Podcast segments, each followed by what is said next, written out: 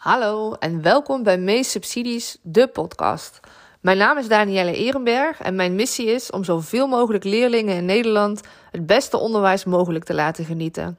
Heel vaak zijn daar extra gelden voor nodig. En om die reden breng ik jullie door middel van deze podcast op de hoogte van de nieuwste regelingen en subsidies voor het onderwijs. Welkom bij deze podcast over de subsidieregeling over de brugfunctionaris. De brugfunctionaris-subsidie kan aangevraagd worden door zowel primair onderwijs, voortgezet onderwijs, speciaal onderwijs en voortgezet speciaal onderwijs. Uh, deze subsidie is bedoeld om een brugfunctionaris dan wel in te huren, dan wel iemand de taak te geven die bij jou op school al werkzaam is. Maar goed, wat is een brugfunctionaris nou eigenlijk? De brugfunctionaris is de persoon die eigenlijk tussen de driehoek ouders, uh, instanties en de school staat. Dat betekent dat deze persoon een bijzondere plek heeft, uh, maar wel bekend is in de school. Op het moment dat uh, de school open is en de leraren eigenlijk de deuren sluiten voor het klaslokaal, gaan bij wijze van de deuren van de brugfunctionaris open. Zij hebben drie belangrijke functies. De eerste is het, en het voornaamste, ouders ondersteunen en hen versterken. Denk aan uh, hen wijzen op het jeugdeducatiefonds, hen helpen met contact leggen, uh, hen helpen met alles waar ze eigenlijk maar mee zitten in relatie tot hun kinderen. Het tweede is, uh, of ja, ook niet per se altijd in relatie tot hun kinderen. Als ze bijvoorbeeld heel veel schulden hebben, kunnen ze bijvoorbeeld geholpen worden aan een budgetcoach. Het is, het is heel breed. Het tweede is samenwerken met het team leerkrachten, directeuren en de IB'er.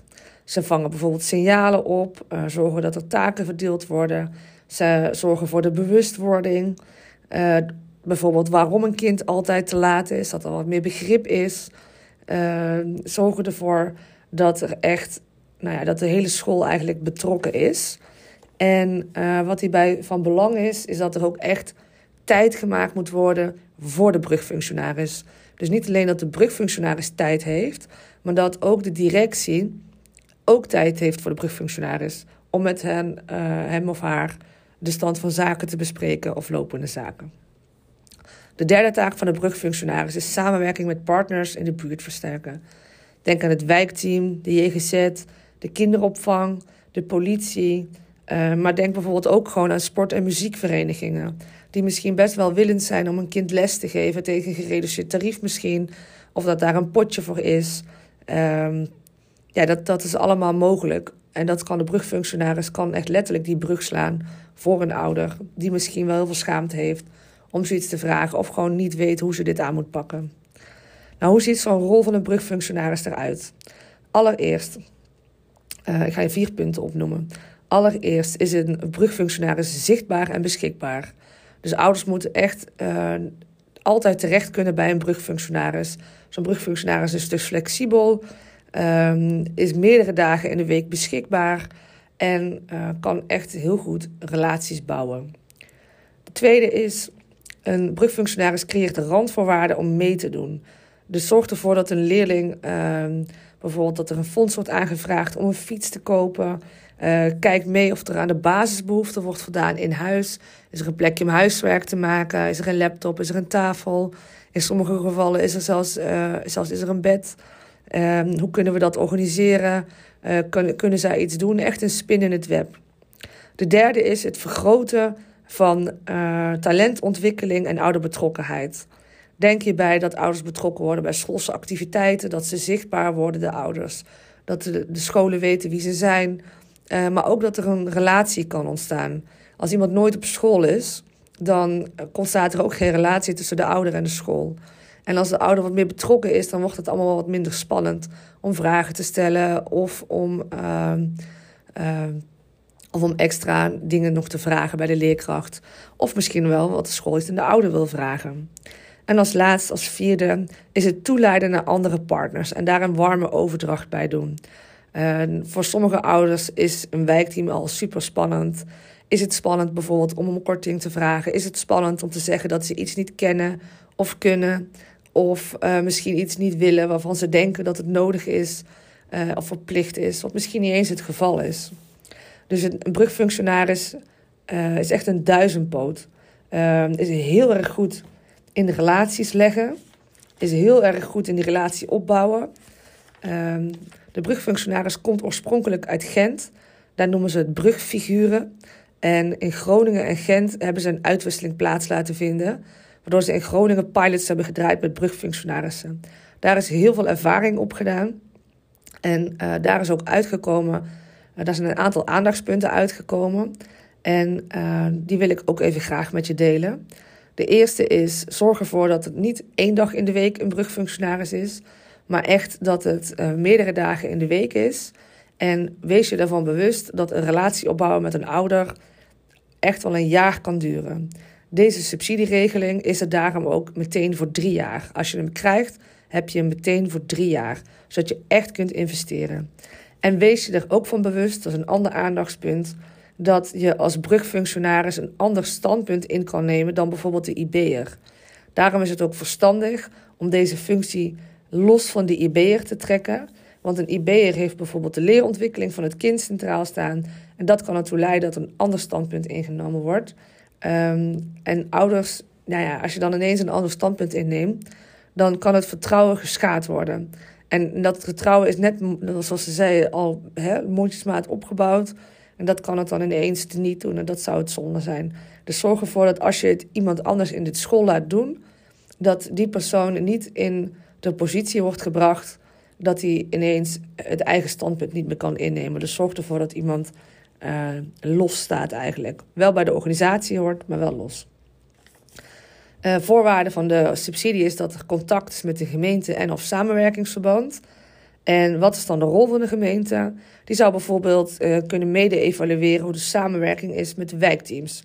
Dus die zou bijvoorbeeld kunnen kijken van... hey, sommige wijkteams kunnen misschien het gevoel hebben... van wat die brugfunctionaris doet, dat doen wij.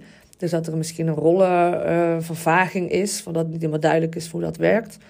Um, dus daar zou de gemeente een rol in kunnen spelen. Daarbij wil de gemeente heel graag weten wat de zorgvragen in de gemeente zijn om daarop in te kunnen spelen. Dus er zou ook een, uh, een, uh, een gremium of ja, gewoon een overleg ingepland kunnen worden uh, tussen de brugfunctionaris en de gemeente, waarbij de brugfunctionaris de gemeente actief op de hoogte houdt van de stand van zaken, waardoor de gemeente ook veel meer zicht heeft op wat er speelt in de gemeente.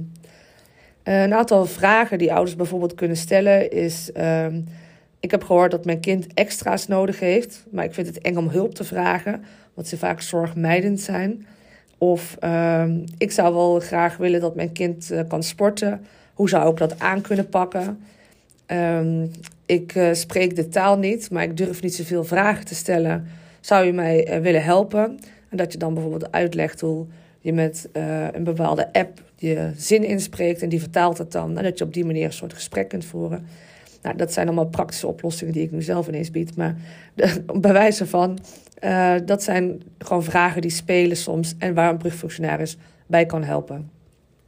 Wat voor profiel heeft een brugfunctionaris? Nou, ik denk niet dat het handig is om echt op uh, opleidingsniveau te gaan kijken. Maar dat het vooral heel erg belangrijk is dat het de mensenmens is. Deze persoon is flexibel, kan relaties opbouwen. Uh, die moet op school zijn is niet een 9 tot 5 type. Um, ja, dat is. Uh, en, en, ja, en, snapt ook echt de verschillende belangen en kan daarop inspelen.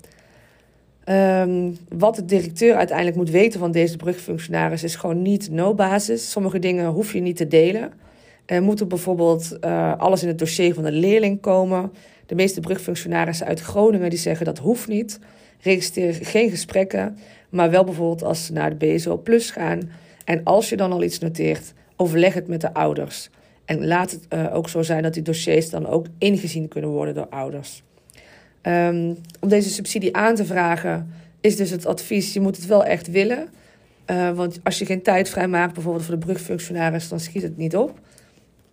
Uh, en het is echt een investering die je in ieder geval voor drie jaar gedeeltelijk gesubsidieerd krijgt.